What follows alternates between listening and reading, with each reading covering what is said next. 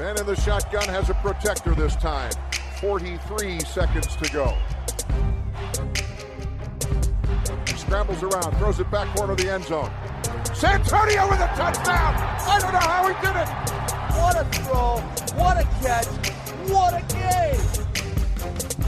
No, Mike 23, call 57. That suffocate him! Make him miserable all game long! Get us the ball back! You could love him or hate him, but he was Brad.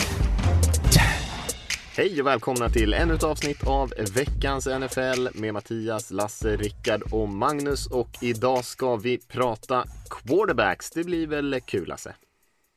Det blir jätteroligt. En eh, position som efter offensiva linjen är kanske mest intressant. Så att, det ser vi fram emot.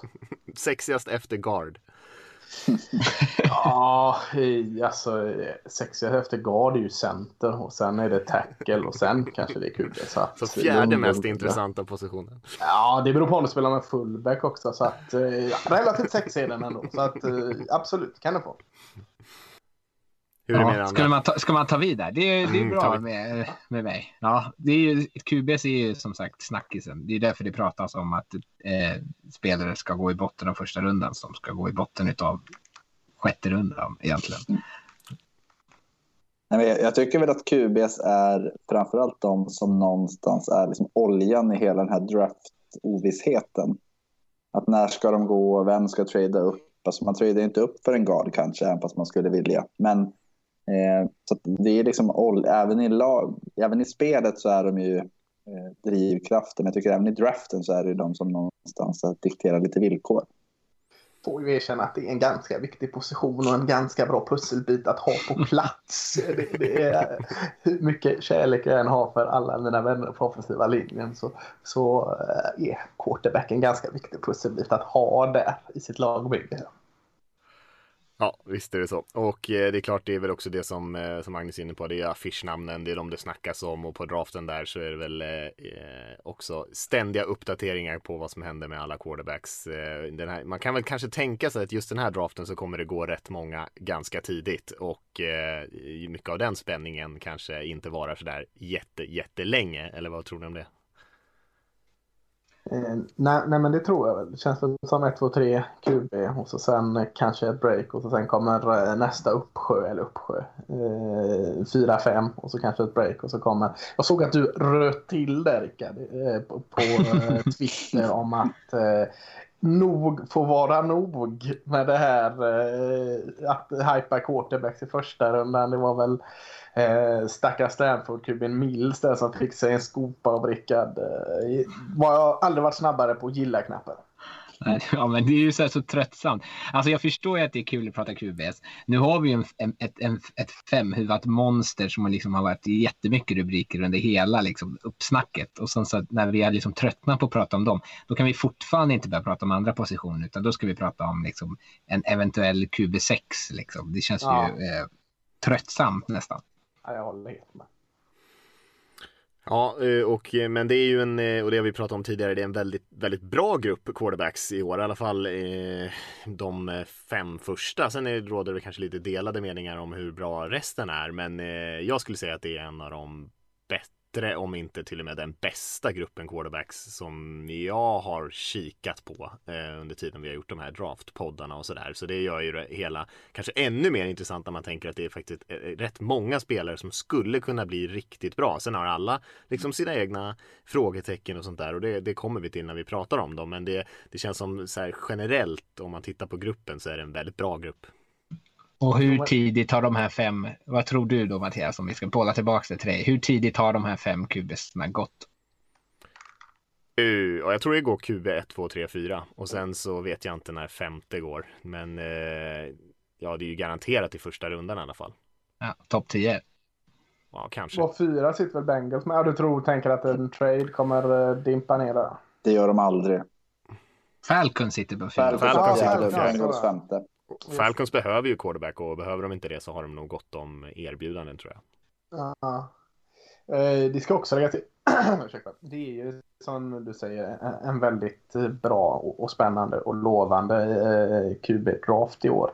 Eh, där blir ju än mer viktig eftersom nästa år ska vi inte börja prata om den draften. Det är på tok för tidigt. Men, men eh, känns väl inte riktigt som att den kommer vara så het. Eh, håller du med mig där Magnus? Ja, både ja och nej. Att, eh, vi pratade om det i vår Patreon-podd här i veckan, Rickard, eller hur?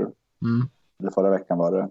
Eh, och det, det är svårt det där när man inte riktigt vet vem, vem kommer vara... Alltså, Joe Burrow, vi hade Mac Jones i år. Vi- Vilka är det som tar stegen och vilka är det som eh, någonstans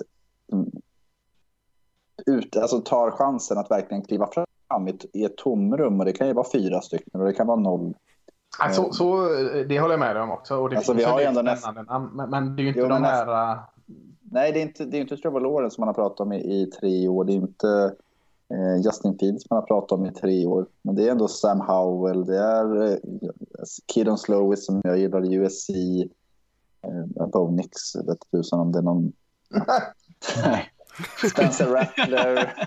Spencer Rattler som gjorde ett jätteframsteg i Oklahoma i år och Oklahoma med Lincoln Riley har ju faktiskt eh, haft, han haft två first round QBs i, i Baker Mayfield och eh, Kylie Murray. Svettigt för våra lyssnare här nu. Nu sitter de och Ja. Spencer Rattler och Sam Howell och sådana när vi inte alls ska prata om dem. Att, eh, Vi är redan på nästa nej. års. ja, Nej, men det, det, finns ju en, det finns ju en poäng i, i, i mitt resonemang här och det är ju att när ni pratar om att någon ska las, ge Bengals eh, hus och hem för att få QB5. Det är rätt sjukt om man tänker liksom att tror, tror vi att vi hamnar där? Att någon kommer att liksom lasta fyra höga draftval för att flytta upp till position nummer fem. fyra eller tre eller två. Men vi hamnar ju alltid där varje år. Att man betalar. Jo, men nu har vi redan hamnat där. Det, det brukar Ja. inte vara att det är fem quarterbacks som går. Det är det jag tycker är mest fascinerande. Mm. Ja, men kanske lagen blir- kanske blir lite extra desperata om det Ja, inte jo, finns några självklara nästa år. Men hörni, vi ska hålla oss lite till årets grupp här, men innan vi, eh, vi kan väl börja med att prata om en annan quarterback, gamla Kent State option quarterbacken Julian Edelman som eh, är, la skorna på hyllan den här veckan. Får man ändå säga haft en ganska häftig resa från att gå eh, sent i sjunde rundan till Patriots, eh, liksom inte ens inbjuden till Combine och, och eh, ingen visste vad det skulle bli av han riktigt och han har ändå karvat ut en eh, ganska otrolig karriär. Eh, och det blev mycket snack direkt där var han hör hemma kanske i NFL-historien men man kan väl börja med att säga i alla fall att det är eh, en ganska en ganska häftig story. Jag kan tänka mig att det blir, eh, skulle kunna bli någon ISBN-dokumentär eller något sånt där om Edelman så småningom. Eh, som ändå har lämnat ett ganska stort avtryck. Framförallt med vad han har gjort i slutspelet för Patriots. Profil är det ju alltså eh, på och utanför planen. Eh, ibland gillar man det mer, ibland gillar man det mindre. Men på planen har han verkligen levererat. Och man gillar ju den resan som du säger. Där kom från ingenstans. eh, Inte prototypen av en receiver som man tänker på. Och, eh, eh, nej, eh, roligt att vi tar upp han här i podden och, och vinkar honom farväl. Är väl, eh, såg att eh, Hall of Fame-diskussionen eh, drog igång på Twitter där. Men, men är det någon som, som tycker han är Hall of Fame eller? Det känns väl lite väl eh, häftigt va? Lite Ja, kryddat ja. Ja, nej, Jag tycker inte att han kommer är det. Men jag, jag tycker att han har... Dels så har han ju som receiver i grundserien. Sen har han framförallt sin slutspel där han är efter Jerry Rice den wide receiver med mest wide receiver, eller reception yards någonsin. 14-42 tror jag han hade.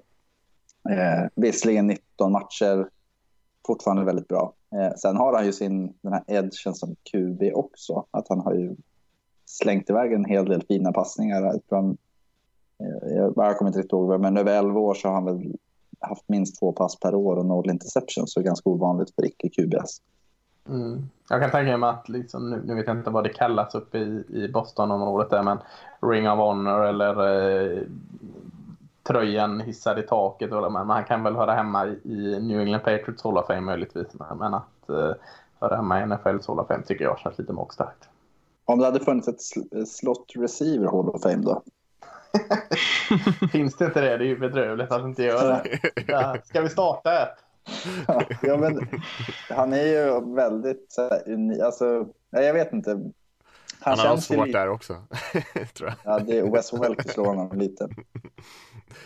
Ja, nej, jag håller med Lasse där. Eh, för mig så ska man ha varit eh, topp tre, topp fem på sin, på, på, sin position ett par år i alla fall och sen kan man börja prata om liksom om man har lämnat för övriga avtryck. Men Edelman har väl kanske aldrig i sin karriär varit ens topp 10, kanske ens topp 15 på sin position eh, något år egentligen. Så för mig är han inte ens nära Hall of Fame. Men det betyder, det betyder inte att han inte haft en jäkligt häftig karriär och han har ju verkligen etsat in sitt namn i NFL-historien med allt han har gjort i slutspelet. Men, men det krävs krävs eh, några snäpp mer än så tycker jag för att man ska vara i den stora Hall of Fame. Mm. Eh, ja, nej men Edelman, en häftig karaktär och är såklart älskad där uppe i Bostonområdet. Men eh, vi lämnar honom och eh, hoppar in och kanske ska prata om lite riktiga quarterbacks då. Och vi eh, pratade ju lite om gruppen redan här innan så det är väl eh, kanske ingen större idé. Jag tror att vi, nästan alla har ju Trevor Lawrence från Clemson högst upp. Zach Wilson har ju varit lite uppe och sniffat men eh, det känns inte riktigt på sådär allvar eh, att han skulle passera utan det är ju mer eller mindre färdigt att Lawrence går nummer ett och jag tror att eh, nästintill alla där ute har honom som bästa quarterback i den här draften. Ja, eh, tycker jag man ska ha. Eh, Eh, om man har kollat eh, collegefotboll eh, i oändligt som, som jag och Magnus gör det, så är man nästan lite trött på honom. Eller håller du med om det Magnus? Ja, ja men lite så. att han, Det känns som att han har varit med längre än vad typ Nick Saban har varit. Ja, och han har alltid varit bra. Liksom. Han, han var tjatigt. Nu, nu har han passat för 500 yards igen här och nu har han gjort det. Alltså, eh, från egentligen att han klev in eh, för Clemson så eh, ägde han scenen och såg redan sitt första år ut och var redo för NFL. Eh, vilket är väldigt, väldigt sjukt. Eh, jo, men det, det kommer jag ihåg att de pratade om att han var den första spelaren som man kunde verkligen säga så att men, NFL borde ha samma regler som NBA. Att du, behöver, du kan gå från high school till... Och det är tre år sedan. Ja, och ta det som på position som QB också där det krävs ganska mycket eh, utveckling eh, både innanför pannbenet och utanför pannbenet säger ju mycket. Men, men eh, ja, vad ska man säga honom på plan? Stor, lång, atletisk quarterback. Eh, alltså eh, atletisk för att, att, se så stor och lång ut. Eh, tycker han kryssar i egentligen alla de här rutorna som man sitter och checkar av. Eh, läser och eh, agerar och korrigerar eh, före och efter snap och eh, anpassar sig fint. Springer bra eh, för sin storlek. Eh, alltså kanske inte den man tänker att han ska ha någon dual threat QB men, men har inga problem att plocka upp yards på marken när det krävs. Tuff. Tycker han, han tar på sig någon running back position när han inte bara springer och så tar ett knä utan han springer och ser att ja, det är snett till vänster om har jag en liten grön plätt, då kan jag ta 10 yards till, tar han dem. Eh, ja, rent passmässigt så tycker jag hans eh, fotarbete och teknik ser bra ut. Eh, tycker han anpassar sig bra efter pressen. Eh, ska jag ta fram något då? Försöker ju liksom gräva efter något negativt när han pratar om de här eh, stora S-en är väl att eh, kanske hans eh, långa pass, den är absolut inte dålig, den är bra där men, men ibland ser det ut nästan som att han har lite övertro i det att eh, träffsäkerheten kanske inte är lika exakt som den är annars. Men, men ja, det är svårt att hitta negativt på honom. Nej, men jag kan bara liksom flika i, du, du pratar om att han, att han kan springa med bollen. Han hade ju över, runt tusen yards på sina tre år mm. eh, på marken och det är ju det är liksom ingen Tom Brady vi pratar om här. Han hade väl inte ens tusen yards på 20, på 20 NFL-säsonger. Mm. Eh, men om man tänker så här, det du är inne lite på så ska man, jag har ju högst betyg hos alla på honom. Jag tror jag 96 eller något sånt där. Eh, jag är väldigt... Jag är nog färgad av den här, liksom, framförallt de första två åren där han var osannolikt bra. Mm. I år hade han ju inte den omgivningen om man tänker jämför med Justin Fields och uh, Mac Jones till exempel. Att de hade ju väldigt, väldigt mycket kvalitet runt sig. Mac Jones fick ju, tappade ju Waddle mm. efter ett par veckor. Men, men eh, receivergruppen var ju inte speciellt bra i Clemson. Många var ju skadade av de som skulle, som skulle bära laget. Eh, och ändå så presterade han väldigt, väldigt bra. Mm. Men är det någon, du var inne lite på det här, men är det någonting som om man tänker ett orosmål någonstans så är det ju att han, han har en rätt lång kaströrelse. Mm. Eh, men den är ändå snabb, men det är ändå så här, ja, är den tillräckligt snabb när det väl liksom gäller? Det är väl liksom det enda jag kan se, att ja, men, han, han blir, kanske blir lite stressad eller att det tar lite för lång tid att få ut boll. Alltså någonting sånt, men annars är han ju ett, eh, alltså, i min värld en superstjärna rätt snabbt i alla fall. Jag tycker den är ganska, alltså Lasse du sa att han har fin teknik, jag tycker hans kastteknik är ganska ful för att just för att han har den här långa rörelsen i många gånger att han liksom nästan slänger med hela kroppen. Eh, sen tror jag det handlar bara om att han liksom är konsekvent på det sättet att man minimerar eh, ju mindre arm och hand man egentligen har och ju mer man har allt annat så, det, så det blir det liksom lättare att vara konsekvent i det. Eh, och när han kastar med bara armen, och det, för det kan han ju, då går det mycket snabbare. Eh, då är han ju inte lika konsekvent med sin placering. Då kan, då kan han segla lite bollar eller inte lägga dem riktigt där han ska. Eh, men det här är ju också så här, man bara sitter och går in och, och försöker hitta, peta hål i liksom en, en 96 poäng eh, QB då. Mm.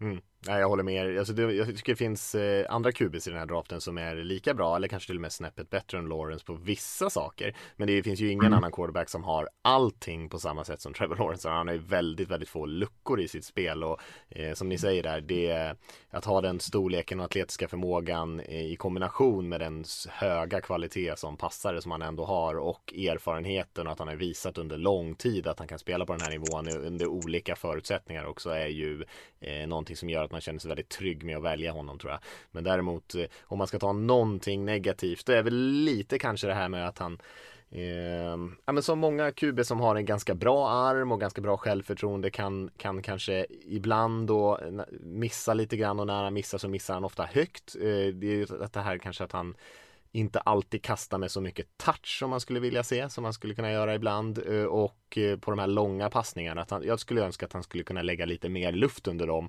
kasta dem lite högre, de här eh, regnbågskasten liksom som verkligen dimper ner. Utan nu kanske han lägger dem med lite lägre bollbana och det blir lite tuffare kast för honom. Han gör det lite för svårt för sig själv egentligen istället för att, bara lägga upp den och låta sin receiver liksom löpa in i den luckan.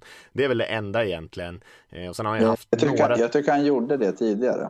Alltså om man tänker, det är just det med, med receivergruppen, att den var ju väldigt mycket sämre 2020 än vad den har varit tidigare. Kan ju vara en förtroendegrej då, att han inte ja, ja, men precis. 100%. Men annars, eh, han har haft några tuffa matcher under press också tycker jag när han har blivit lite sådär baktung i fickan och eh, missat lite på grund av stressen. Men det är ju det är ju sånt som händer alla quarterbacks om de hamnar under väldigt mycket press. Eh, man kan ju inte spela bra i alla matcher. Jag tänker liksom Mahomes i Super Bowl till exempel. Det, är liksom, det blir det för mycket press så, så så är det för mycket för vem som helst. Så det är ju bara att peta som ni säger hål i någonting som är nästintill perfekt. Det som är bra det som är bra där tycker jag är att han är ju, jävligt, alltså han är ju fruktansvärt cool. alltså dels att han liksom står mot pressen av det här med att alla har pratat om honom nu i tre år som en framtida nummer ett QB. Eh, och att han liksom i de här matcherna när han blir så där stressad så känns det inte som att liksom, en säkerhetsspel påverkar honom liksom under resten av matchen. Jag tycker att han känns ganska cool i att han kan liksom skaka av sig det och bara så här, ah, ja, nu kör vi vidare liksom. Ja, jag vill kombinera lite det, det ni säger där. För eh, Eh, han kommer under press betydligt oftare än till exempel då eh, Mac Jones och eh, Justin Fields för att han har inte lika bra offensiv linje. Eh, Clemson har bra på nästan alla positioner i jämförelse med Ohio State och Alabama. Men offensiva linjen är inte lika vass där och, och jag tänker lite, lite så att Ja, jag förstår vad ni säger där med att han är lite, har lite lång alltså, tar lite tid i sina kast. Men jag tror också eh, eh, man kan luras lite av att det tar längre tid just för att han har inte läng lika lång tid på sig som Justin Fields och Mac Jones att göra någonting. Så ibland kanske, kanske möts halva vägen där att han får press i ansiktet betydligt tidigare än eh, eh, Fields och Jones eh, får. Eh, och det du säger Rickard, hans lugn liksom, när han ändå får det och att han nästan kan ducka en, en, en flygande linebacker och så tar han ett steg till vänster och ser grönt fält och så tar han 15 yards där. Det, det, det tycker jag är väldigt, väldigt elegant. En, en sak som vi inte har pratat om. Han är ju väldigt eh, man kallar det, verbal vid sidan av planen. Och det, I ena aspekten av det så är det ett ledarskap och att han, han tar ansvar och hela den biten. Eh, men man får ju ändå lite så här Josh Rosen-vibbar. Är ni med på vad jag menar? Att, att han... En eh, hot tub i sitt dorm room och så tänker du? Nej, det tror jag absolut inte att han har. Kanske en hot donut i sitt dorm room. Men, Ja. nej, men just det här att, han, att hans frispråkighet kan ju bli ett problem framöver.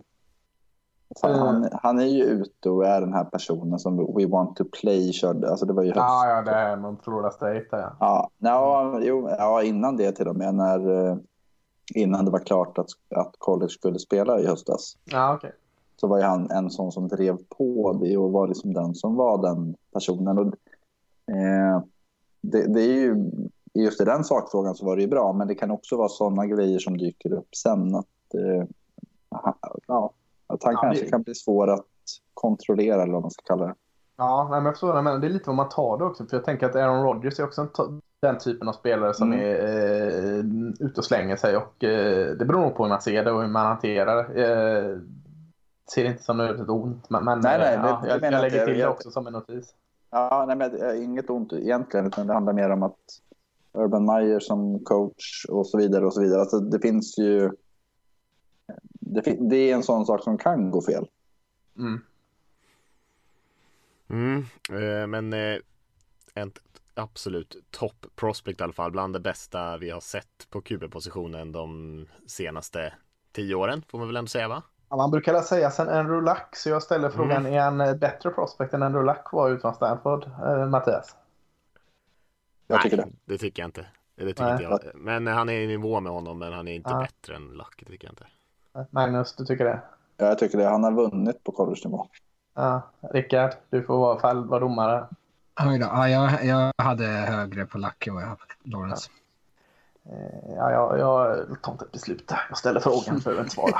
Det, det, räcker, att, Smart. det, räcker, det räcker att Lauren spelade typ 4-5 år sedan han förbi ja, Ja, men ja. jag tänkte som prospect ut från... Jag skojar. Jag skojar. Nej, de är relativt jämnbördiga, men jag tycker att eh, Lawrence har ju verkligen levererat på en högre nivå sett över tid också. Mm.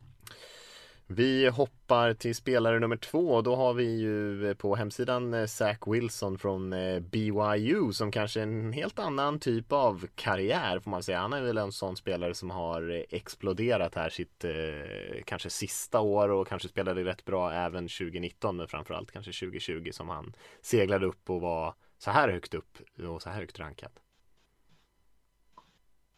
Ja, eh, jag Ska jag in, Lasse, ska jag introducera dig på den här? Ja, tycker jag. Jag förtjänar Mm. alltså... Jag, Det gör du faktiskt. Ja, Eh, nej men, eh, Zach Wilson är ju en... Han var ju en doldis i somras egentligen, i början av hösten. Sen fanns det en, en eh, expert, ska vi kalla honom det, eh, i veckans college som började lyfta Zach Wilsons otroliga förmåga, otroliga prestationer under augusti-september. Och det var ju... Eh, han var helt klart före sin tid när det gällde det och det var ju Lasse som såg att det här är ju en nästa Mahomes i stort sett ja jag, känner, jag bränner allt mitt, eh, mitt skrytkapital på Zach Wilson här. Eh, kommer ju slå Kör. på så in i helsike. Men, men eh, Flopprisken eh. ökar 25 procent ja, Nej, gå in och sänka honom direkt. Ja, förlåt, det är mitt eget horn.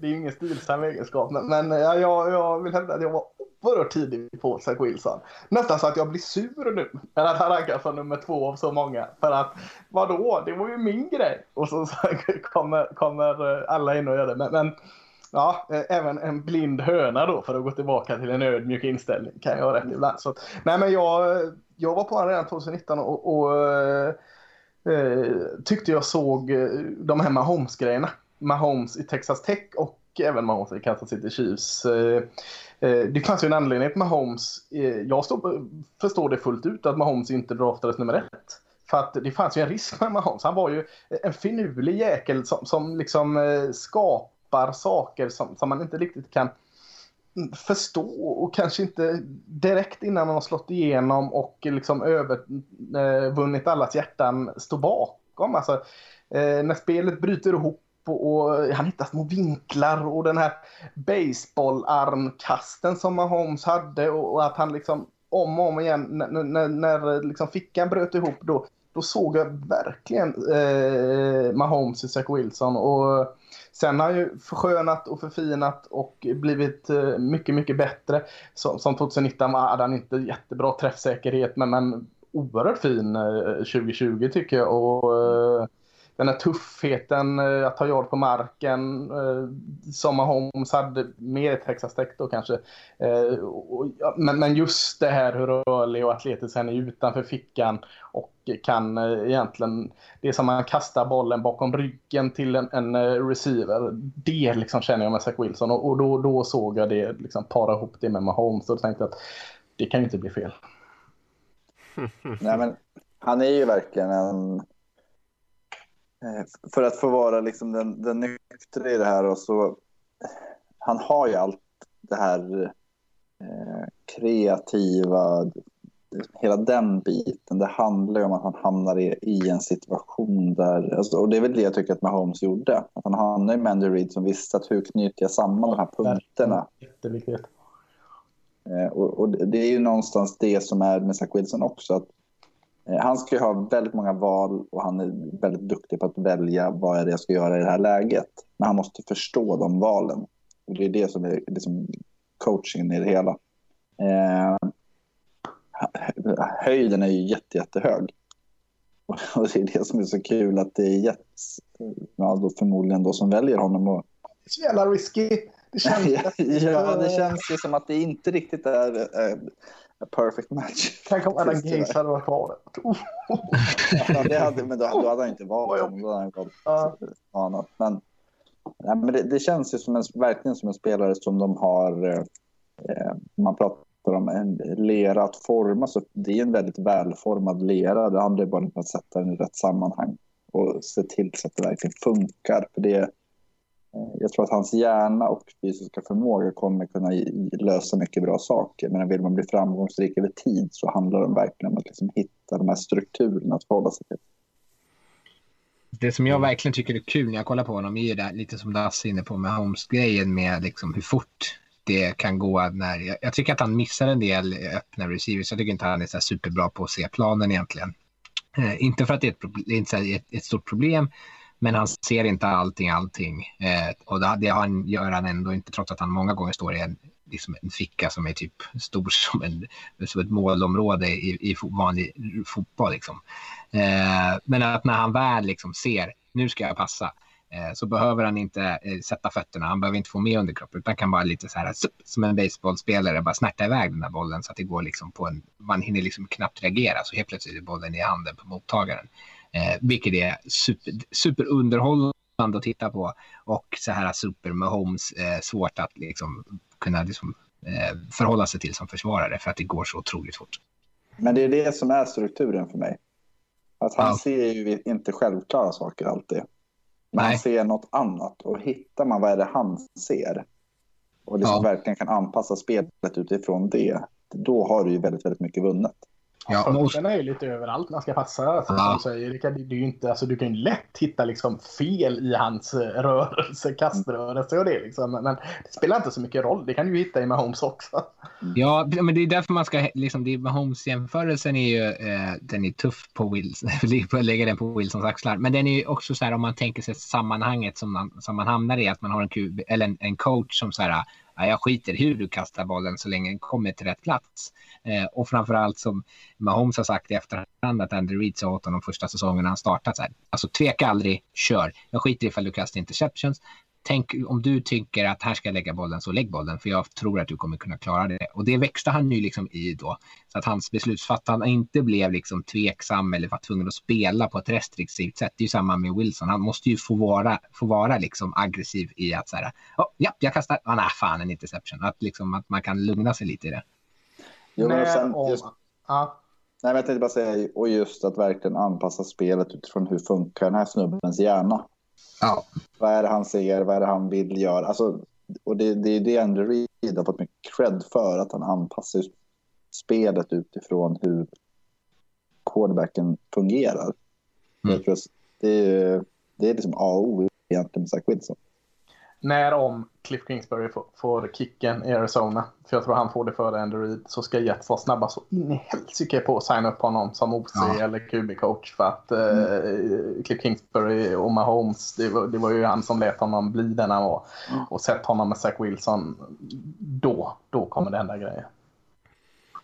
Mm, ja, nej men jag håller med, alltså han är ju en väldigt naturlig passare på sätt. Jag tror inte att man behöver oroa sig mycket över hur han kastar bollen. Alltså det är ju som med Holmes eller Aaron Rodgers eller någonting, utan han får ju liksom dit bollen nästan ur vilka vinklar som helst. Och jag tycker att han är väldigt eh, stabil i sin bollplacering. Alltså även fast han inte kastar med rätt teknik hela tiden så är hans accuracy alltid, nästan alltid top notch tycker jag på nästan alla typer av kast. Så det tror inte jag man behöver oroa sig så mycket för. Det, det som Rickard tar upp i så fall med att han kanske kanske inte alltid ser planen, att han kanske ibland kan det ta lite lång tid från att han ska liksom läsa eh, vad spelet ger honom till att ta beslutet. Den processen är det som kanske jag tycker man bör kanske vara mest orolig för. För sen när han väl tar beslutet releasen är quick, accuracyn är bra, eh, det är inga problem. Eh, men just den grejen är svår att säga också, för det som har lyfts med honom lite grann är att han har mött också lite enklare motstånd. Han har haft en väldigt bra offensiv linje framför sig, så han har väldigt sällan varit under press. Eh, det har ju också gjort att han, har han behövt hitta eh, lanes eller liksom eh, utrymmen där han kan rymma fickan så har det alltid funnits för att offensiva linjen också gör ett bra jobb framför honom. Har man en linje som kanske kollapsar på två olika håll, ja, då är det väldigt mycket svårare att hitta ut ur fickan till att börja med. Och det, eh, så kommer det ju troligtvis vara i NFL. Det kommer ju inte vara så att, en, att eh, han kommer ha så här mycket tid att han kan stå där ganska lugnt och sen när han väl känner att han behöver fly så, så finns det bra ställen att fly till. Så det är väl det tycker jag som, som oroar lite grann. Men jag tycker att det är många har lyft den här Coastal Carolina-matchen som, eh, som han spelade som något negativt. Jag, jag såg den som något väldigt positivt. Då var han ju under väldigt mycket press och eh, gjorde väl kanske inte rent statistiskt sån där toppmatch som han har gjort andra gånger. Men jag tyckte ändå han visade att han var en fighter där. Jag tyckte han tog eh, för det mesta bra beslut och, och gjorde ändå en bra match efter de förutsättningarna han hade där. Och förhoppningsvis ser det inte riktigt så illa ut eh, så många gånger i NFL. Eh, som, som att han är under så mycket press och så tuffa förutsättningar. Men det är ändå skönt att veta att han inte totalt kollapsar eh, under den pressen. Så att jag tycker det finns väldigt mycket att gilla med honom och det som ni lyfter. Eh, det är ju som sagt tufft att sätta med Holmes stämpeln på honom. Mm. Det ska man nog inte göra Ja, men om man sätter den lätta stämpeln då. Sätt Mahomes Texas Tech-stämpeln på honom då. Det är ju ändå... Ja, jo, men det är rimligt kanske. eh, I mitten av första rundan. eh, eller vad det nu var. 15, 17 någonstans. Ja.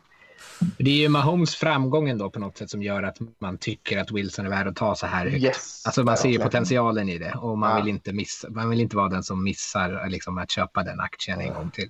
Men det finns bara en Andy Reid höll jag på att säga. Eller kanske, kanske en Ja. eller två. Men eh, han kommer inte hamna med Andy Reid. Och, och en Nej. stor del av också, man kan säga det tycker jag också, en stor del av också med Holmes osannolika framgång är ju också för att han är med Andy Reid. Hade han varit med en annan coach så hade det kanske inte sett statistiskt i alla fall lika vackert ut. Han hade säkert varit en dominant bra spelare ändå. Men den liksom osannolika framgången han haft beror ju också på att han har ju hamnat i den bästa möjliga situationen också. Men bara en liten så här att när det kommer till sånt så tror jag att NFL är på väg att ändras lite utifrån att man spelar ju mer på alltså, an, alltså spelet styrs mer av spelarnas funktion och vad de kan göra snarare än liksom, coachens ideologi. Ja, det, det har jag med om. Alltså, förr var det anpassa sig vad jag tycker eh, så ledarstaben. Men nu är det mer liksom, nu anpassar vi oss efter vad vi har. Eh, vilket är bra. Eh, Mm. Så det kan ju vara att fler såna här konstiga spelare verkligen ploppar upp och blir mycket bättre än vad vi tänker. Ja visst. Och det blir ju enklare eh, reads, man spelar mer ur shotgun som ska se planen bättre, ha mer tid. Så det är mycket sådana där grejer som man gör för att underlätta för quarterbacks i NFL nu. Så att, eh, nej, men jag tror Zach Wilson har goda chanser att bli en eh, otroligt bra spelare. Eh, men det är klart, det finns saker där som man är lite orolig över. Har han verkligen sats på prov ordentligt under sin collegekarriär? Eh, men man ser ju alla traits där. mm. Apropå traits så har vi väl eh, Justin Fields från Ohio State som den eh, tredje kuben va? Mm, börja med där Mattias. Vad, vad, du är ju eh, Justin Fields ambassadör här, eh, frivilligt eller ofrivilligt. ja, jag har ju Wilson före, men, eh, ja, men jag, jag, tycker att eh, Justin Fields faktiskt har fått ganska lite orättvist mycket kritik. Jag tycker att man har eh, letat ganska mycket fel på Justin Fields, medan man kanske har slätat över ganska många fel hos eh, ett par av de andra quarterbacksen. Och eh, han har ju, ett, ett tag där så var han ju liksom eh, var, såg jag att han liksom trillade ner på kanske den fjärde, femte bästa quarterbacken liksom. Eh, och, och, det tycker jag är väldigt underligt för Justin Fields är ju till att börja med liksom en superatlet, verkligen en dynamisk atlet, eh, den bästa atleten i den här draften på quarterback. Ah, det finns några som utmanar, men han är en väldigt, väldigt bra atlet och plus att han också, precis som Trevor Lawrence, är en väldigt bra passare också. Alltså både med armstyrkan och bollplaceringen eh, har ju varit väldigt bra på de djupa, lite längre kasten. Eh, och sen så är det ju kanske lite mindre ojämnt än Lor eh, eller mindre jämnt än Lawrence då. Han har väl kanske ett missar lite fler bollar, har lite fler eh, sådär tveksamma reads. Eh, men jag tror att i en annan draft när vi inte hade haft en så klockren spelare som Lawrence och sen en, en Wilson som gjorde en, en dunder 2020 så hade Justin Fields mycket väl kunnat gå nummer ett i draften tror jag. För det finns eh, ett sånt enormt högt tak på honom.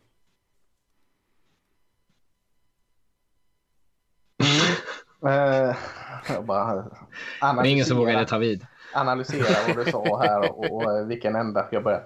Nej, jag håller med allt du säger. Jag tycker också Gästrefil är jättebra. Eh, Ohio-spöket, eh, Ohio State-spöket, jag erkänner, det, det ligger i mitt bakhuvud. Alltså, eh, och det kan man diskutera i oändlighet om det är rättvist eller inte rättvist. Men nu ligger det där att eh, QB från Ohio State har inte lyckats i NFL. Eh, det är inte rättvist för fem öre, men, men det ligger där och gnager i mig. Så, så lämnar jag det där. Eh, men, men eh, ja, eh, oerhört atletisk som du säger. Stark, tuff, snabb, explosiv. Mobil och rörlig och allt sånt som du nämner där. Jag gillar att just han liksom placerar bollarna, kanske inte på bröstet utan en yard framför sin receiver i routen så han inte behöver stanna upp utan liksom det, det flyter på. han har lyft sina receiver till att bli lite bättre än vad jag, vad jag tror de skulle vara annars. Och det är en jättefin egenskap. Eh, det jag har lite problem med då, det kanske ni lyfte, nej inte riktigt det ni lyfte med Lawrence, men, men eh, han är lite lång, han läser sina, han är tålmodig och läser sina reads bra. Eh, det gillar jag. Eh, han går igenom dem. Men jag vet inte om, det känns som det tar lite för lång tid. Jag vet inte om man fastnar på ett read motvilligt går vidare till nästa sen eller om man bara eh, läser igenom sina spelare lite, eh, lite för långsamt. För att det leder till en del sex och ibland till en del dåliga beslut när han kommer under press. Och eh, han kan ju inte skylla på att eh, han har en linje som inte hjälper honom. För han har en fantastisk linje som hjälper honom. Så att, eh, li, lite långsam i, i sin eh, tankegång vart han ska lägga ut den där fina bollen som är väldigt fin han lägger den. Eh, det kan väl då kanske lyfta lite mot honom. Det är ju den här diskussionen som har varit Eh, senaste månaden egentligen gällande Fields. Att han inte kan läsa sin first read eller att han verkligen kan läsa den, att han varit bäst av alla på att göra det. Eh, någonstans ligger ju sanningen där mitt emellan. Att det handlar lite om komplexiteten i försvaret och att han... Eh, han, han, han alltså min känsla är att han hamnar lite ofta i tidsnöd. Mm. Eh, och som försvar så är det okej, okay, vad är det som vad, är det som gör att det blir tidsnöd? Och kan man knäcka den koden så hamnar ju Fields i trubbel, helt klart. Sen så har han ju förmågan att, alltså rent traitmässigt så är han ju väldigt, väldigt skicklig och jag, jag tror att det eh, ja, jag, jag ser, jag, jag köper din Ohio State känsla. Ja, jag, jag har ju liksom, det, det går inte att argumentera för den, den bara ligger där och gnager. Ja, jo, men det, den är så. Det, det är en lätt... Uh, Alltså det är lite som Alabama QBs över tid också. Liksom. Ja. Det har ju varit någonting som man säger, men bra omgivning, lite sämre motstånd. Eh, det blir svårt när det blir bättre. Eh, men Fields har ju, han, jag, jag tycker att man har verkligen allting som krävs. Eh, det är den här mentala biten, att det, här, vad, vad, är det där som felar? Jag tycker han påminner en del om Deshaun Watson. Alltså i, sin stil. Ja, för att vara snällare då för att gå bort det Ohio State-spöket och lägga något positivt. Så, eh, mycket av hans spel ser lite ut som Deshaun Watson. Och, och, och det är ett gott betyg av något. Mm. Alltså det, eh, jag kan ändå köpa eh, om man liksom håller på och petar hål, för det är därför diskussionen kring Fields finns, är ju för att man har försökt att hitta de här hålen i honom och då kan man ändå, tycker jag ändå att det, eh, det är liksom legitimt den här diskussionen att han hållit sig fast i sina progressions, lite, alltså sina, sin första spelare alldeles för länge vid många tillfällen. Det betyder ju nödvändigtvis inte dä- däremot att han inte kan gå vidare, men att han spelar ett system som är ganska tacksamt och de har eh, så här option routes även ganska djupt som gör att så här, ja, men ligg kvar och titta på din receiver ett, Ja, lite extra länge därför att han kommer sen att ta ett beslut att han antingen svänger dit eller dit liksom. Eh, och det som, jag, det som jag kanske tycker att, så här, att det han skulle kunna bli bättre på det är att om han vet att så här, om det är inte först om tre sekunder som jag kommer kunna veta vad min receiver gör. Under tiden kan jag titta åt vänster. Eh, utan då tittar han på Chris Olave istället hela tiden tills han vet vad han tar vägen. Eh, Han är och- alltid fri i och för sig. ja. eh, och för jag vet, för Mattias, vi du har ju skrivit lite om det här också, det är både i våran den här Patreon-slack-chatten eh, och på Twitter i att så här, man fils för mycket skit för att han spelar ett bra system, men samtidigt så man ger inte den skiten till Lawrence som bara egentligen spelar kastar bollen till din running back hela tiden. Han har ju lika många öppna alternativ också. och Mac Jones som också har lika många öppna alternativ. Eh, men det är väl snarare med Fields tycker jag att man man ser att han är ganska långsam i det. Eh, och då kommer ju nog det här som Lasse är inne på, att det här Ohio State-spöket in i att man vet att det är många QB som ser bra ut i det här systemet som har väldigt svårt med övergången till NFL när man sen måste ha det här mer liksom, mentala spelet i det. Ja, nej men jag, jag håller med om det, men jag tänkte också lyfta det som du sa där Rickard, att han spelar ju ett system som, som har ett, ett djupare element än de andra. Jag tänker mig eh, Mm. eh, till exempel Alabama som är ju stort sett nästan bara enkla screenpassningar så har ju Fields och Ohio State ett spel som ett spelsystem som tar längre tid, routsen tar längre tid. Men sen så kan ju det vara så att Fields ibland kanske väljer det lite långsammare alternativet lite för ofta och kanske behöver, behöver vara lite mer medveten om hur mycket tid han egentligen har och kanske liksom nöja sig med, med, med att ta den här lite eh, lite kortare passningarna ibland. Men, men det skiljer sig lite i spelsystemen där. Att eh, det, han förväntas ju hålla bollen lite längre än de här, några av de andra spelarna. Ingen dålig skopa skit du fick in där på Alabamas offensiva system där. Det är ett bra system. Det är ett jättebra system, men har man liksom landets bästa playmakers, det är klart man passar bollen till dem och låter dem jobba. Men, Ja, lite enkla screens så att det är... men kom inte och säg till mig att Mac Jones läser spelet mer avancerat än Justin Fields, för, för det gör han inte. till honom, kommer till honom. Nej, det är han inte. Men mer än Tua. Ja, kanske, kanske, kanske.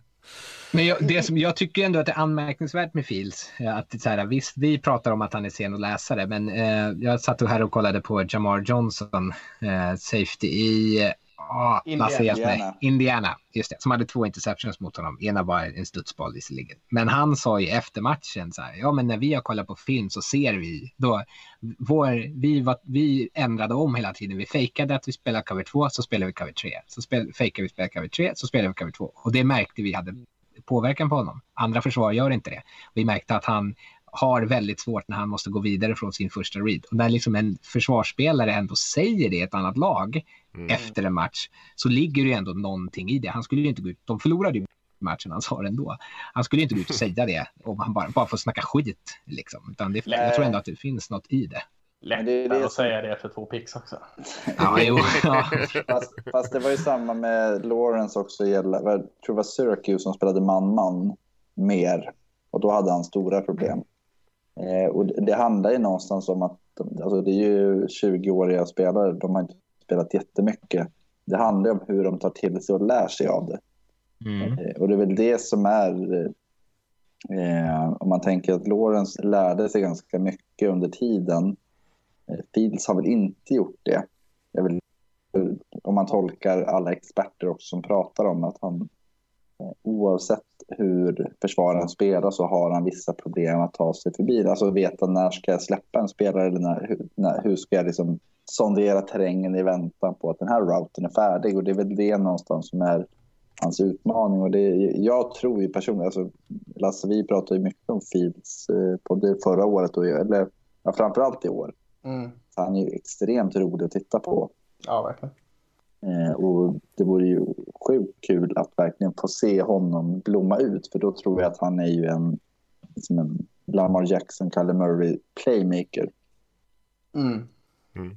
Jag tänkte in, innan Mattias vi går in på QB4 är det nu va? Så, eh, kan jag göra lite reklam för oss här eller? Vi, vi, vi har ju nämnt här att vi har haft lite podcast för våra Patreons och vi har ju nämnt att vi har lite chattkanaler med Patreons och, och allt detta och eh, pratar draft dagarna ända. Det, det är väldigt roligt tycker vi och vi hoppas många av våra Patreons gör det. Om, om man nu skulle vilja gå med där eh, och förutom att det är roligt så, så ger man oss lite bidrag till att köpa eh, kanske en bättre mikrofon och lite sådant. Hur, hur fasiken gör man då Mattias? Ja, då går man till patreon.com nfl-supporter så finns det lite olika nivåer där. Så det behöver ju inte vara någon sådär jätteinvestering som man gör utan det är ju eh, någon mindre summa sådär varje månad som man ger oss för att vi ska kunna hålla på som du säger och kanske köpa någon mick eller så. Och, eh, jag, jag tror att det är ganska givande för de som är med. Det känns som vi har väldigt mycket roliga diskussioner och det var lite mock drafts här nyligen och sånt där. Så att jag, om man inte har testat det så, så eh, det brukar vara ganska gott tugg där. Men man kan liksom prata NFL dygnet runt om man skulle vilja. Och tycker man det är rena rama skiten så är det bara att gå ut. Exakt. Så, eh, så Exakt. det, är inte, ni, ni, det är en väldigt liten gris i en väldigt li, stor säck så att eh, det är lugnt. Det, det är låg risk. Ja, Ja, men det man kan säga är väl att eh, det är väldigt, väldigt många som träffar likasinnade i våran Slack. Så att det är väldigt kul just av den, det skälet bara.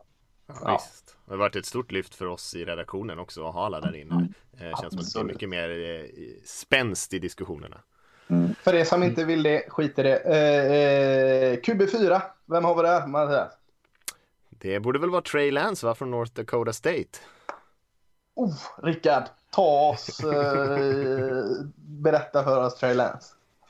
Jag gillar ju Lance eh, skarpt. Eh, Jag har honom, eh, förut hade jag honom över Fields, nu har jag honom strax under. Eh, när jag har eh, ransakat mig själv och mitt Ohio State eh, försiktighet. Men eh, nej, det, ju- när man tittar på honom så känns han, jag fick lite så här Kyler Murray-vibbar, inte för att han är en liten kvicken, utan eh, eh, han är kvick.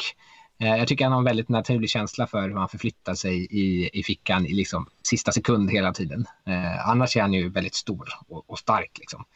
Eh, han skapar spel med benen. Eh, han är inte rädd att springa rätt in i kontakt, vilket jag tycker om. Eh, han är ganska köttig av sig på så sätt. Eh, sen, eh, ja, han har ju fått väldigt mycket ansvar eh, där uppe i North Dakota State. Det har ju pratats om jättemycket här i eh, draftprocessen i att han har liksom ansvarar för så här offensiva eh, möten inför matcher. Han gör eh, linje-calls eh, och sådär. Eh, så han lyfts ju för att han är liksom intelligent.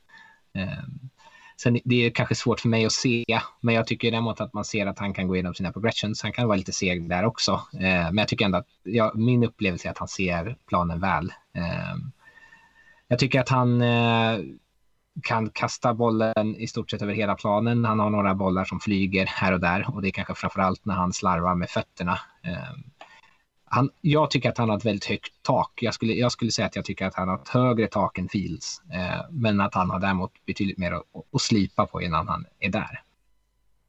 Ja, jag håller med i stort sett allt du säger. Jag gillar också Trey Lance. Eh, jag har han också väldigt nära Justin Fields. Jag har Fields över.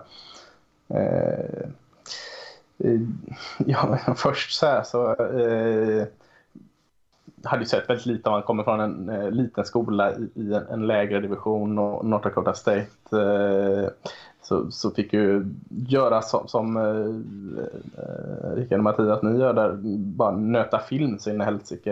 Jag kunde inte ta med mig att jag har suttit och glott matcher oändligt på honom. Eh, första var den där enda matchen de spelade i år. Eh, jag kommer inte ihåg vilka det var. Kommer du ihåg det Magnus, vilka de mötte i år? Nej, det var någon av de andra i den. Ja, eh, säg att det var Jack Rabbits eller något skit. Ja, jag tror det var.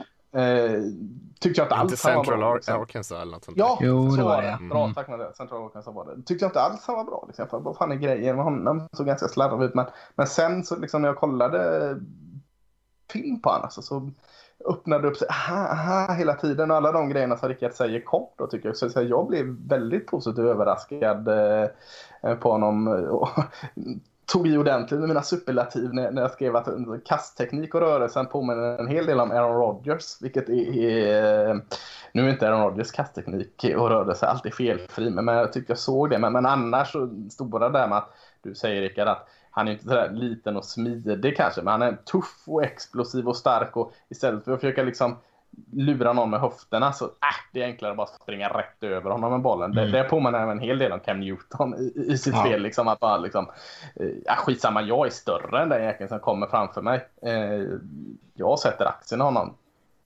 Blir Lansson blir skadad då, eller faller ner, jag kör över honom. Eh, och I det aspektet påminner han väldigt mycket om Cam Newton. Mm. Jag, eh, jag gick ju igenom någon form av eh, inre monolog där i våran eh, Slack eh, draft kanal där när jag började kolla Trey Lance och den första matchen jag såg så var ju den här Central Arkansas matchen Mm. och tänkte så här, fan han är ju inte bra den här killen.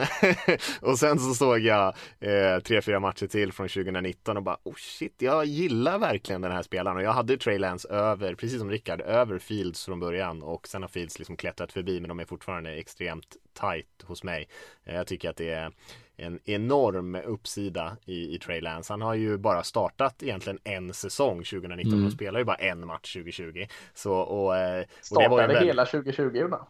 Ja, exakt. Hela säsongen 2020. Så två säsonger har han ändå startat. Ja, eh, men och den 2019 där han hade ju jag tror att han hade, jag hade skrivit upp det här någonstans, han hade bara liksom över 200 passyards i fyra av de 16 matcherna han spelade. Eh, så att han eh, sprang ju bollen en hel del, han hade någon match eh, mot James Madison tror jag, där han hade 10 passförsök och 30 springförsök. Eh, och så att det är ju en väldigt, väldigt speciell spelare, väldigt speciell spelstil i många matcher.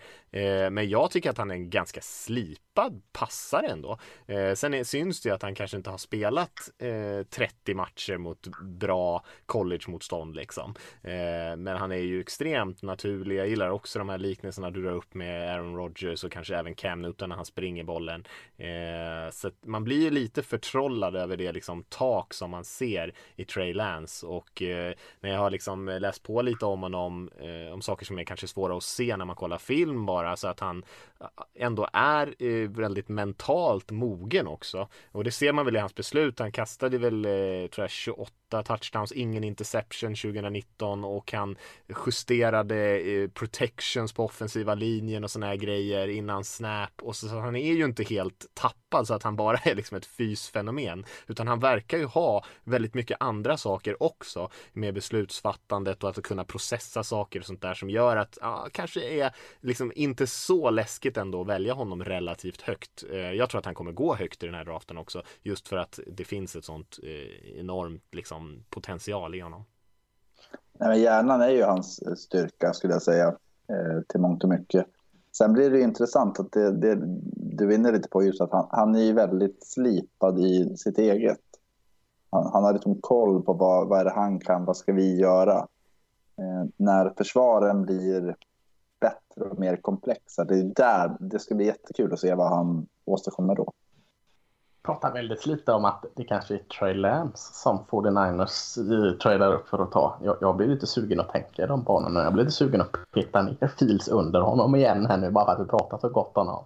Eh, kanske inte kommer vara några dagar igen. Men, men, Men- eh, mm. Den diskussionen är ju, jag jag glömde ta den när vi väl pratade om Trevor Lawrence, men finns det någon procents chans att det är Justin Fields som eh, Urban Meyer tar? Ja, du tänker Urban Meyer och Ohio State eh, connection där. Nej, jag säger att det är 0 procent. Nej, jag säger att det är noll.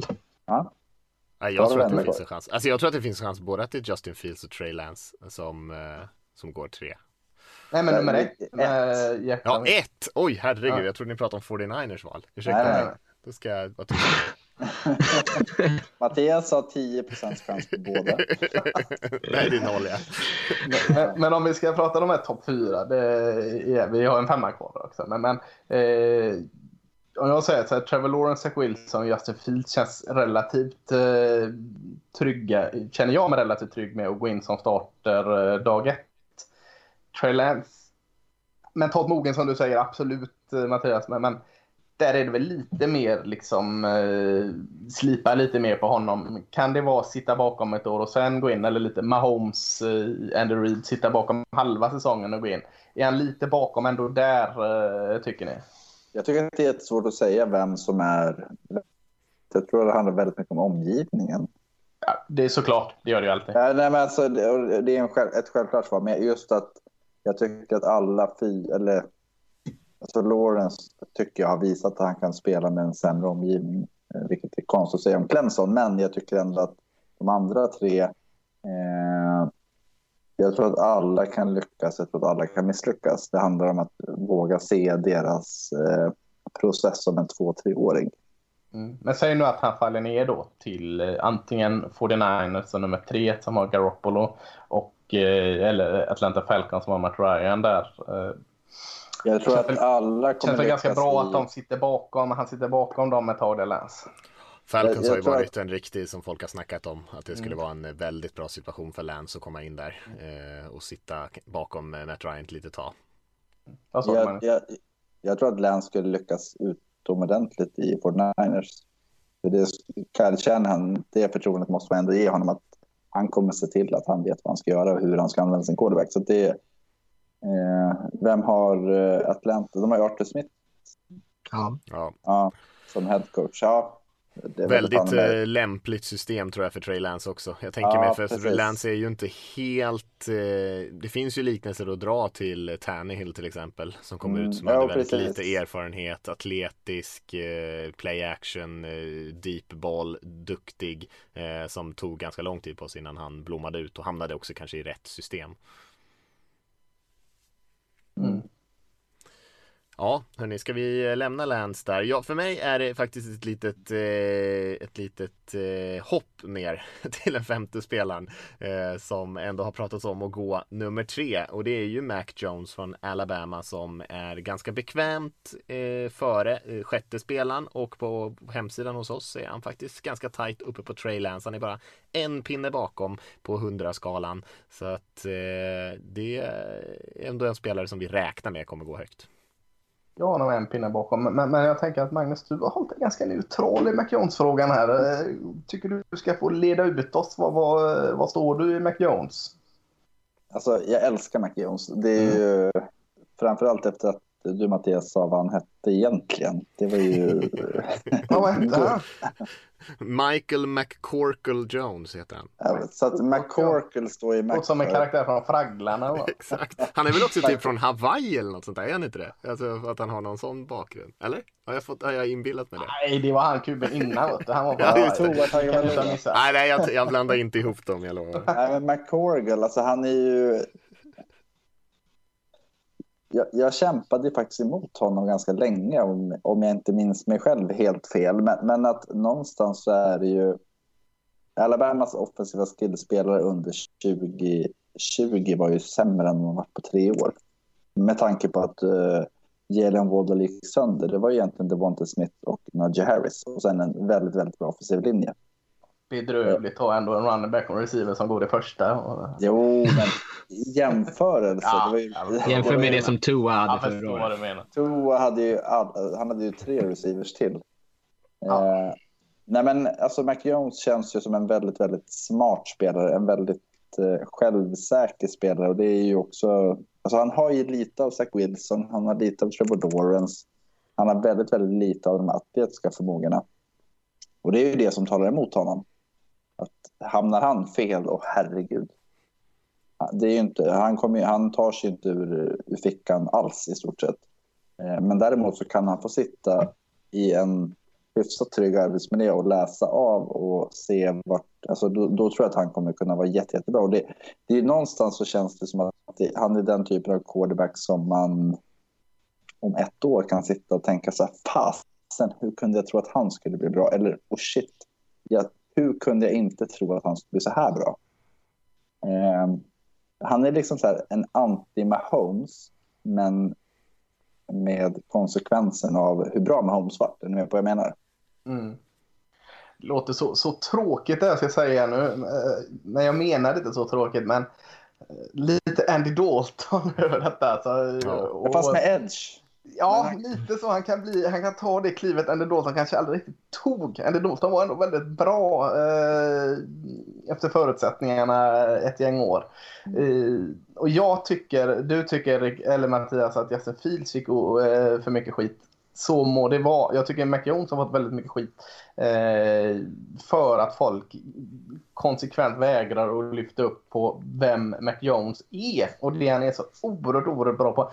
Som, som Magnus säger, han är fantastiskt smart. Eh, ja, det vet jag inte, men det jag ser så, så tycker jag han ser... Ja, eh, han, är in, han är upp där i toppen med liksom eh, fotboll-IQ som man kallar det. Eh, tråkigt med de här eh, 10-15 yards passen, eh, passen. Du sa att de har ett system som lever mycket på screen och slants och sånt. Eh, absolut. Eh, kan låta väldigt lätt Eh, och bara lägga bollen på en receiver som sen skapar. Men, men eh, att göra det så bra, känna av den routen, lägga den precis i bollbanan så den hela tiden liksom eh, bollen inte gör så att han stannar upp och tappar fart i sin rytm i routen. McJones är en mästare på det. Han, eh, han spelar precis efter dem det eh, omständigheterna kräver av honom. Och, och, eh, visst, han har bara varit eh, startspelare ett år. Känns ändå som han kommer med sig en massa rutin. Suttit bakom Tua, suttit bakom Hurts. Men jag tycker han, han är en mästare på det här slant och screenspelet. Och det tycker jag inte man ska liksom bara fnysa bort. Sen finns det ju andra saker. Han är ju inte prototypen av den moderna quarterbacken. Inte atletisk och inte direkt hot med sina fötter. Inte den här långa bomben till arm kanske. Eh, men, men ja, kanske lite mer då eh, en QB som, som eh, skulle draftas högre för 10-20 år sedan. Den här typiska ledaren i fickan som ett lugn läser och, spelar och reagerar och, och gör precis vad som passar och vad som skall. Så att, eh, jag, håller jag har McJones som femma, som han är på listan femma. Så jag håller han där som femma. Men jag tycker inte glappet bakom varken Justin Fields eller Trey Lance är så vidare stort. Ja, alltså jag tycker ändå att det finns ett, eh, ett för mig finns det ett eh, helt okej stort glapp. Jag har, eh, om man bara tittar på våra poäng, poängskalan eller om man säger betygsskalan, så jag har Lance på 86 och jag har Jones på 80. Eh, men alltså, det är väl det här med att man funderar på vad taket egentligen är och att han kanske måste vara i förutsättningarna där hans receivers kommer kunna göra sig öppna. För han, kommer, han skapar inte så mycket på egen hand. Eh, Sen, du pratar där om att han är en, en smart QB, att det är svårt, eh, svårt att se. Jag, jag, tycker att man ser det på honom liksom, för att han, hans sätt att kontra liksom, blitz eller press, det är att han vet redan då var han ska lägga bollen. Eh, han har ganska bra koll på sina hot routes, alltså han, vem som kommer bli öppen om det kommer en, en blitzande spelare. Han har ganska bra koll på vem det är som troligtvis kommer i sånt fall. Känns det, så upplever jag i alla fall när jag tittar. Mm, eh, de pratar ju om det på Senior Bowl där, eh, de ställningarna, att han, eh, hur snabbt han plockade upp den spelboken som de hade där eh, och att han liksom, och det såg man ju på sändningarna, att han gick runt och coachade de andra quarterbacksen i liksom, nej men när han, ja, då stod han och pratade och pekade och visade liksom. Så det känns ju ändå som att det finns en fotbolls-IQ där, eh, även om det är liksom en, en svår sak att mäta liksom av att kolla på film många gånger. Mm. Mm. Ja, nej, eh, jag är nog närmare Rickard rent betygsmässigt. Alltså, jag tycker inte han är dålig, Mac Jones, men jag, jag tycker väl också att just du hatar honom. Uh, jag, jag ska bara lägga till Rickard har ett högre betyg på Mac Jones än vad jag har. Sa du att du hade 80? Du är väldigt snål med betygen i år, Lasse. Så det är, liksom, det, är en, det är en trend det här, känner jag. Ja. Riktigt dåligt humör den här draftsäsongen. uh, ja, nej, men jag, jag, jag, jag jag kanske skriver inte helt under på den här eh, fotbolls-IQ-grejen. Jag tycker inte det, man har fått se det riktigt på planen. Jag håller med om att han, eh, han kan sin spelbok jäkligt bra och han tar väldigt bra beslut. Men han spelar också i ett väldigt enkelt system. Han behöver oftast inte tänka så mycket, behöver inte läsa så mycket försvar. Men däremot så är han, eh, tycker jag, en eh, Armstyrkan, det, Han har ingen vidare arm, men det kanske har gjorts lite för mycket av det. Kanske en sån där grej som Lasse säger, han kanske fått lite för mycket skit och även hans atletiska förmåga. Det är ju inte så att han är eh, liksom en, en stubbe. Han är ju duglig atletisk förmåga för att ändå kunna spela i NFL. Liksom. Armstyrkan duger också. Det är bara att den inte är så här wow som de andra fyra spelarna vi pratar om här. Och sen är han ju väldigt placeringssäker. Alltså en väldigt bra känsla för timing och leverage och var han ska lägga bollen för att hans receiver ska liksom kunna justera justera på den och såna här grejer. Så de grejerna gör han ju faktiskt väldigt bra och han lägger ju bollen på ställen där hans playmakers kan snabbt ställa om och liksom eh, juka en, en försvarare eller något sånt där. Så att han eh, utför ju spelboken på ett väldigt, väldigt bra sätt och han är ju väldigt stabil. Jag tror att kommer han till ett system som till exempel i 49ers, då tror jag att han kommer kunna spela väldigt bra där. Det tror jag. Men eh, för att liksom trada upp som 49ers nu till exempel gjorde då och kanske offra tre första rundeval så skulle jag aldrig göra för Mac Jones. Eh, jag tycker inte det finns alls den typen av tak i honom. Eh, och, och jag ser nog det är mer eh, Andy Dalton eh, än, eh, än någon annan eh, liksom mer eh, stjärnspelare i NFL. Andy Dalton var kanske till och med mer atletisk och kanske till och med hade en snäppet bättre arm än Jones.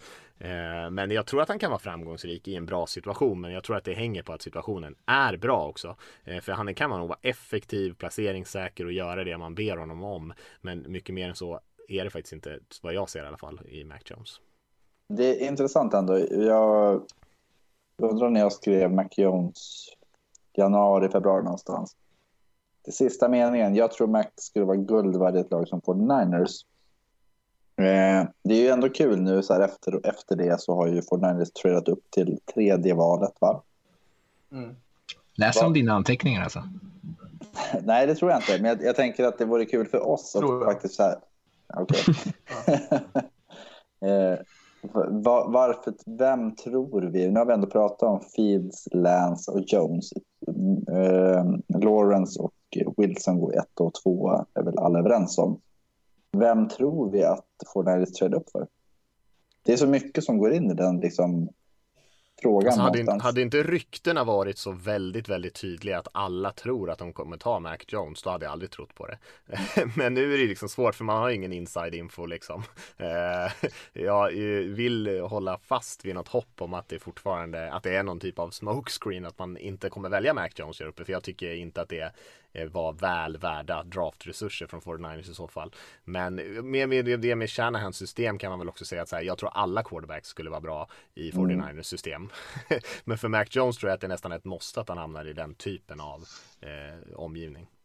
Om, om alla quarterbacks hade bra ett sånt system så är det mest logiskt att ta Trey Lance som har högsta taket och, och få utvecklas där känner jag då. Eh, för det tycker ja. jag nog. Eh, han har högre tak eh, en Fields och Jones. Eh, större risk också, men eh, liten risk att plugga in en QB i det systemet. Så, eh, med det du säger Mattias så eh, tycker jag Trey Lance hade varit mest logiskt då för, för Niners att ta den.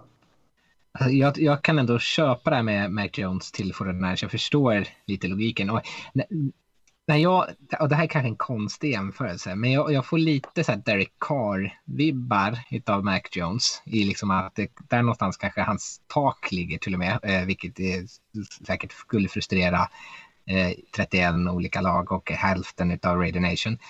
Eh, men att det är så här, han eh, kommer inte göra så mycket utanför strukturen av spelet, utan han kommer göra det som coachen säger åt honom att göra. Eh, Eh, och för Gruden så är det hans dröm-QB. Och Shanahan, jag kan tänka mig att Shanahan ändå tycker att det är ganska skönt att ha en QB som kommer så här, ja men jag vill att du tänker på de här sakerna, det här är dina keys när du läser och så ska du kasta bollen dit och så gör du ingen annat till jävel Absolut. utan du gör vad jag säger åt dig.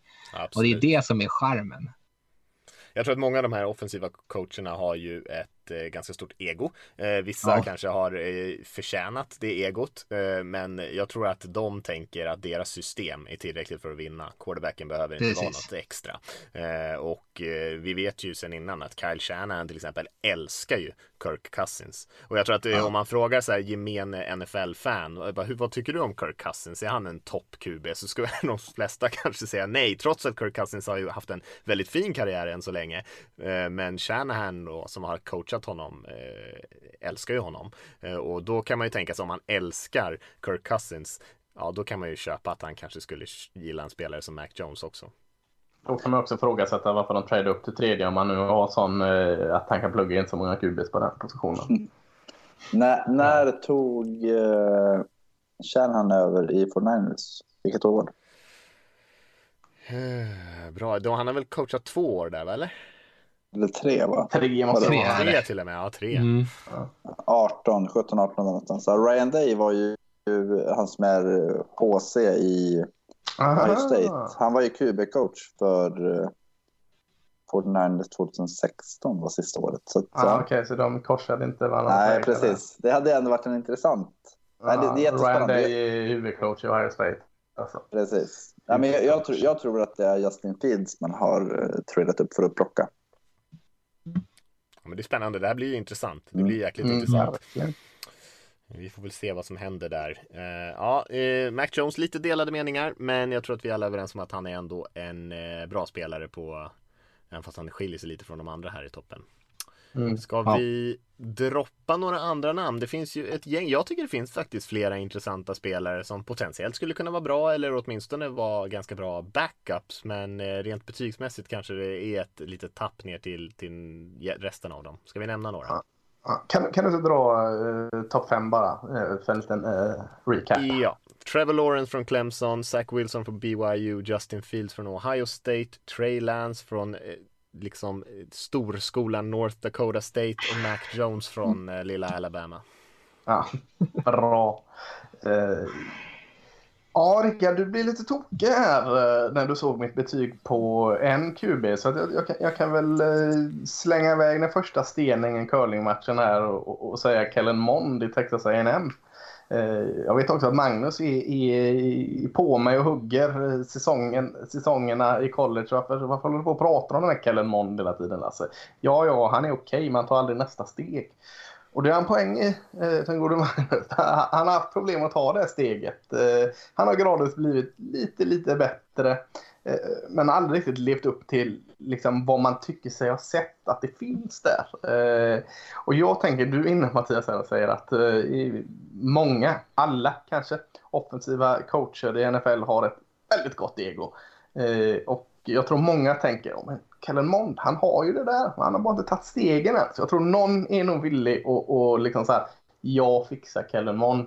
Eh, och eh, jag har honom inte så högt. Jag har honom kanske att man ska ta han i eh, slutet av andra, början av tredje någonstans. Eh, tror säkerligen hon går över det. För att det gör kubisar som oftast. Men, men eh, han har många saker på sitt konto som inte är så bra. Eh, Tänker inte att jag lyfter dem, men, men det är lite kort. Eh, jag tänkte lyfta är att den här råa potentialen som de här eh, egoistiska offensiva coacherna eh, letar efter finns ju där. Han är en, en relativt stor, rörlig och atletisk huvud. och jag tycker han har en stark och bra arm. Inte alltid träffsäker, för det är den inte, men, men sånt kan en coach tro att han kan fixa.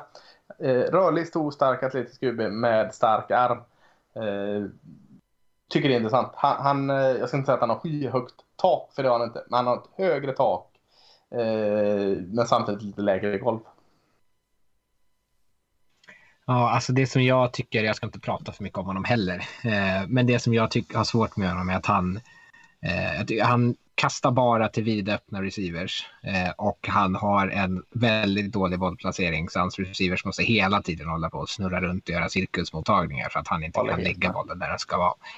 Eh, sen köper jag ju potentialen i det och det är väl det man försöker leta så här sent i Mm. liksom, spelare som har traits. Eh, Ska jag ta någon vidare? Vill du såga honom också Magnus innan? Nej, jag vill, jag vill såga honom först. Ja. Jag, det, såga, det handlar inte om det. Han var väldigt, väldigt bra i början av sin karriär på Texas A&M. Eh, Men sen så hände inte så jäkla mycket. Och den bästa kompen jag har sett på honom tycker jag är Brett Hundley. Eh, och, och det är verkligen det är samma spelare. Brett Hundley var ju i UCLA. eh, Draftades i... När draftades han? 2018? Det måste vara tidigare va? Det var 17. Packers som draftade honom va? Ja, precis. Förstörde. ja, jo, kanske. Det beror på hur man ser det. Spelar ju rätt mycket där när Rogers skadade sig. Ja, exakt. Han fick chansen. Men alltså, jag, jag tycker Kellen Mond, han har inte, som du säger, han har potential, men han har inte tagit stegen. Och tar man inte stegen så beror det ju ofta på någonting. Nej, ja, jag håller helt med. Eh, jag tänker bara liksom de här råämnena finns det. Då, då eh, tycker jag man kan slänga iväg ett tick i tredje och eh, med, med sina master skills forma honom till en QB. Han är som en kronärtskocka. Det blir liksom en så här väldigt hög potential, men det är fan inte ofta man lyckas med det. Och jobba och jobba och gräva ut den där lilla i mitten. Ja, Mattias, du är ju lite i mitt hörn här, så du får fan komma och backa upp mig på måndag. Ja, fan, mycket, mycket Kellen Mond snackar. Nej, men jag, jag tycker också om eh, honom hyfsat, eh, men det är ju lite oroväckande att han spelar så många år och ändå kanske inte har blivit bättre än eh, om man nu gamblar på hans potential här. Men jag tycker att han är en ganska smooth QB ändå. Jag tycker inte att bollplaceringen är riktigt så dålig som Rickard säger där, utan jag tycker att han den, den är helt okej tycker jag. Eh, sen eh, så ty- har han ju allt det här med de atletiska förmågorna och den stora armen och sådär. Eh, så att jag tycker det känns spännande att drafta honom någon gång i tredje, fjärde rundan någonstans för en spelare som man kan hoppas kanske utveckla till, eh, till någon som kan ta kanske ett rejält steg. Annars har man en atletisk backup. Ja, Rickard, nu får du ge oss något gottigt här. Då tänker jag ta eh, Jamie Newman. Eh, och då tänker jag göra som du sa Lasse, också att han kommer från Wake Forest. Eh, Yes. Han, eh, ju, Inte åt Wake Forest hoppas jag, utan åt Jamie Newman där, Magnus. Ja. Ja. Ja, okej. Jag, jag, jag tycker att han är värd, är värd att lyfta. För, att, jag, för mig är han den mest svårbedömda kuben i, eh, i den här klassen. För att jag, å ena stunden så tycker jag att han ser eh, jättebra ut. Han läser sina progressions. Man ser att han tittar åt alla möjliga håll innan han hittar sin spelare. Han har en del väldigt fina kast. Men han har ju också, om man bara skulle klippa upp hans 20 sämsta kast så skulle liksom ingen annan QB i den här klassen ens vara i närheten att konkurrera hur dåliga de är. För han passar liksom upp så här, fyra rader upp i läktaren ibland. Eh, he, helt förskräckligt. Eh, och ibland står han och bara stirrar på sin receiver som springer liksom eh, en vanlig enkel liksom, eh, route. Så bara, ah, jag tittar på honom hela tiden tills alla försvarare står där och sen så kastar jag bollen. Men jag tycker liksom om man bara kollar på hans fysik eh, så är han eh, relativt atletisk. Eller jag tycker att han är atletisk. Eh, jag tycker att han har en bra arm. Eh, tillräckligt bra för att kunna kasta det allt, allt han kommer att behöva göra. Eh, och sen är han inte heller speciellt träffsäker just nu. Han har ju, av sju av tolv matcher eh, så hade han bara 60, eh, hade under 60 procent lyckade passningar, vilket ju förstås är förskräckligt. Eh, I matchen mot Clemson ser han också helt eh, avskyvärd ut. Eh, men jag tänker mig så här, ska man så försöka hitta de här spelarna som sagt med traits och där jag kanske tycker att man är lättare att hitta förklaringar till varför det är dåligt och det är för att han spelar ett jättekonstigt run pass option anfall. Ja, det är. Där- det. De har liksom så här eh, handoffs där han ska läsa försvaret och så liksom 10 sam- sekunder sen. Ja, men precis. Han liksom går liksom med sin eh, Ja. eh, running back liksom jättelänge innan han liksom ska kasta bollen. Så han har ju inte heller liksom kanske spelat i, ett, i liksom normala omständigheter. Eh, så därför tror jag mer på att så här, men här kan man hitta ursäkter. Det kanske ligger hos honom, fine. Men det finns liksom en tydligare förklaring kanske till varför han inte har utvecklats så som man ser på att han har den fysiska potentialen att kunna göra. Mm. Magnus, utveckla ditt ljud där. Nej, men, nej, men, ja. Jag, jag, han gick ju från Wake Forest till eh, Georgia inför den här säsongen och sen så valde han att inte spela. Eh, han var med på Senior Bowl och det var inte heller speciellt fagert. Han är ju Ja, var, då, han är liksom, han är, där Han är har ju en halv sekund på sig innan pressen kommer. Den där Ja. offensiva linjen han stod bakom var ju förskräcklig. Jag hade gjort li- lika bra jobb som dem. Jo, men okej, okej, han var jättebra under Senior Bowl. Precis, tack. Nej, men han är ju väldigt ojämn och han är väldigt upp och ner och han är väldigt så här. Eh, det känns väldigt mycket som en spelare man har sett förut som där potentialen finns om allting faller, men det är så lite som faller på rätt plats. Så att eh, det, jag, vet, jag vet inte. Jag, jag har. Eh, jag har svårt att se att han någonsin startar en NFL-match. Jag har svårt att se att han draftats. Ja, 100 topp 150 tror jag inte att han tas. Jag, jag, jag bara summerade att jag, jag lägger den lite under samma kategori som Kellen Mond där. Alltså min, min bedömning av Mond att det är råämnet och det finns något att jobba med där. Eh, Eh, Det finns också väldigt mycket brister precis som med Mond. Så, så har jag summerat det. Eh, Mattias, har du någon QB vi kanske ska... Det är ju en det snackas om i runda ett här. Ska vi ta han eller har du någon annan? Du tänker på Davis Mills från Ja. Stanford? Eller? Mm. Ja, nej, men vi Ja. kan ta honom. Eh, var ju väldigt hårt rekryterad till college från high school. Var väl den högst rankade quarterbacken sin eh, klass. Eh, och sen så det är väl lätt att se kanske. Han är ju liksom en ståtlig quarterback. Bra storlek sådär. Eh, en hyfsad eh, arm ändå. Kanske inte någon superarm men eh, saknar väl den här atletiska förmågan framförallt kanske utanför fickan. Jag tycker han rör sig ganska bra innanför fickan ändå. Och jag tycker jag gillar hans touch och hans eh, bollplacering och tycker jag får godkänt ändå. Eh, tycker han även kan kasta bollen ibland när han kanske springer lite i ett fel håll eller har lite konstiga vinklar så där tycker jag ändå han får till det ibland men det ser ju lite stabbigt ut. Han är ju inte någon naturlig atlet på något sätt eh, och fotarbetet kan ju bli lite slarvigt. Det är ju han är rätt stabil tycker jag, men det är ju ganska svårt att se någon riktig stjärnpotential i honom. Det är väl eh, det är ju inte någon spelare som hör hemma, absolut inte, i någon första runda. Eh, Nej, det var det jag tänkte säga. Men det är ju en sån här spelare, så jag tycker det blir alltid ett par såna här draftade eh, runt typ tredje, fjärde, kanske femte rundan där man tänker att det kanske framförallt är en backup man draftar. Eh, och det är väl det, det Mills känns. Så Jag gillar honom ändå men, det, men det, man, man ser ju inte någon, det är ju inte som de här totalt oslipade med högt tak utan här är det nog en spelare som han är nog ungefär det han är. Ja, jag, jag tänker alltså eh, det här snacket om man ska gå i första rundan, det får man ju bara liksom ta bort, ta ner. Eh, som Rickards tweeter med att lägga av, måste ni hitta på nyheter. Eh, lägg han då hellre i gruppen här som vi pratar om med Kellen Mond, Jamie Newman och den här eh, som man kanske chansar på i, slutet av andra, tredje, fjärde kanske. Alltså, för då kan jag köpa mycket av, av liksom David Mills-grejerna. Eh, ja, jag vet inte om jag har sett en, en eh, mer bedrövlig quarterback i rörelse alltså, när han ska kasta. Alltså, det ser så då, alltså, jag håller med om det i fickan du säger. Där ser han ganska snygg ut. Fin touch och sitt på bollen. Så i fickan håller jag med dig vad du säger Mattias. Oho, vad han är, är, är liksom en tåg på väg mot kollision när han är i rörelse. Usch, En. Finlandsfärja utanför. Ja, ja, Ja. visst. Jag tror inte jag har sett en sämre QB mockas i en första runda. Nej, ja, det var väl Josh på- Allen då i Wyoming och där eh, hade jag ju fel så in i helsike. Han, han kändes ändå bättre någonstans. Ja, jo, det gjorde han faktiskt. Jag ville bara Kanske Lamar då, men han var lite. kanske running back. Ja. Nej, men, men vad, vad tycker ni Magnus och Rickard? Rickard Mills där, vad, vad, vad? Tycker, om man ska, om man liksom ska eh, sätta honom i gruppen med, med Mond och Newman och de andra. Eh, så de, på de spelarna som du sa så satsar man på, poten, på potentialen. Med Mills så tror jag lite som Mattias är inne på att man tänker sig att det här är en backup. Han kommer aldrig bli mer än så men han kanske kan bli en bra backup. Så det, det finns väl ett värde i att plocka en sån i fjärde rundan. Ja, men absolut inte i första. Mats. Nej.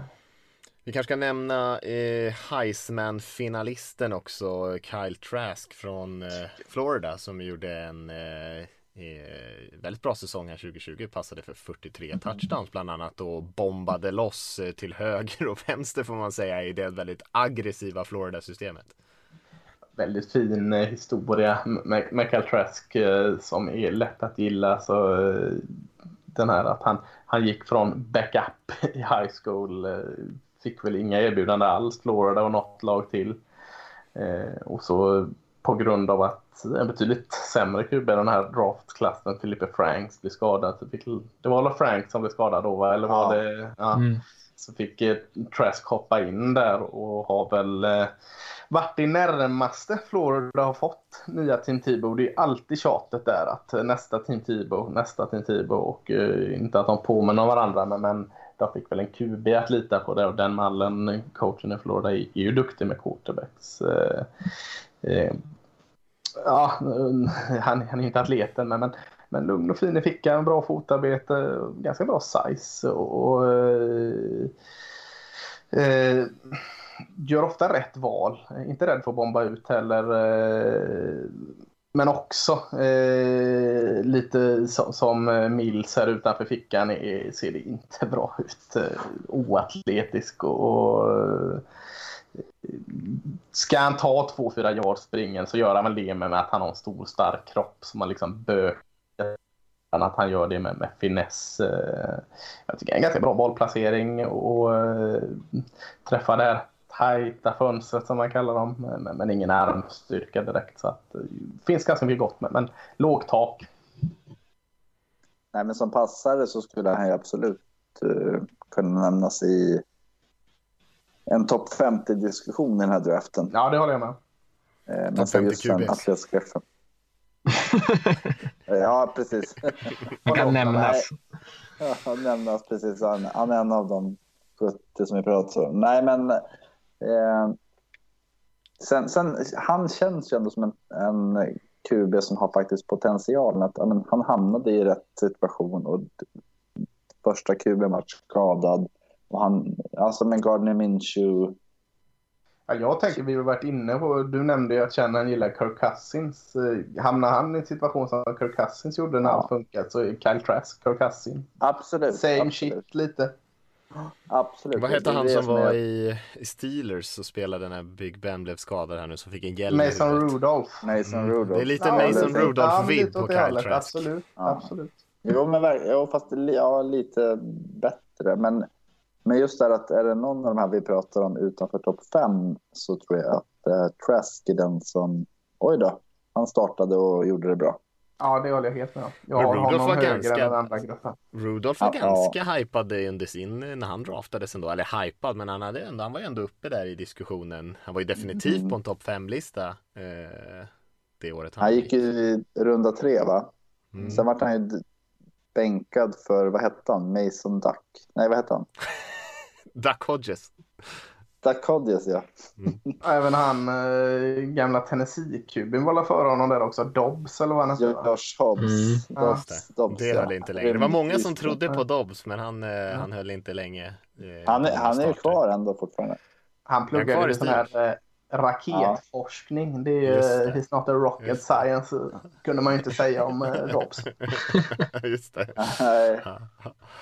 Ja, han är ju orädd Trask i alla fall och han har ju spelat ett sånt system också. Han, han kastar ju upp extremt många så här, en mot en bollar och eh, han har ju haft eh, bra spelare i sitt lag eh, för den typen av spel också. Inte minst eh. Kyle Pitts då.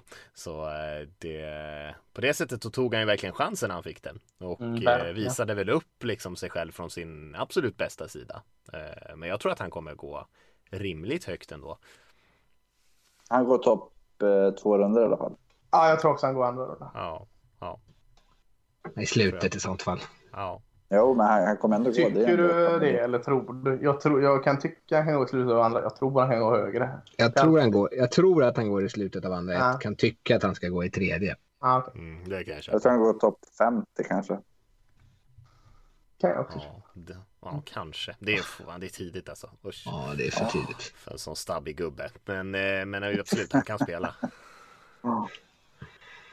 Mm. Eh, har vi något mer eller känner vi oss nöjda? Är det något mer QB som vi vill lyfta?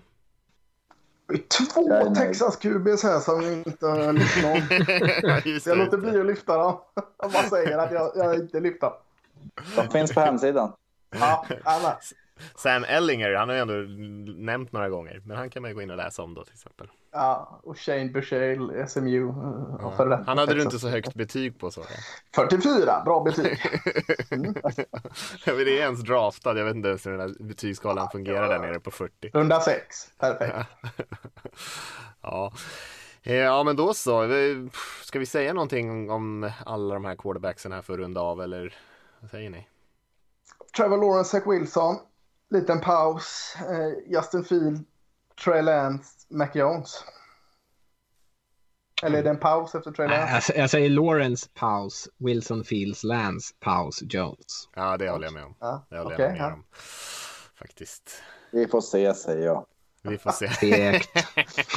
Det som är Ja, men- mest roligt är ju vad 49 ska göra. Det tar vi med oss Ja, in i draften. Ja, ja, visst. Och även fjärde valet. Men eh, det kommer vi till Mm. eh, kanske nästa vecka när vi ska ha lite mer eh, free for all avsnitt där. Snacka lite kanske rykten, snacka lite intressanta val, kanske lyfta någon favoritspelare var eller något sånt där. Lite mer fritt och löst blir det nästa vecka. Kanske få in ett par linebackers till. Nej. kanske kanske några fler linebackers. men, men vi säger så för den här veckan hörni. Tack för oss och tack för att ni lyssnade så hörs vi igen nästa vecka. Ha det Hej. Ha det bra.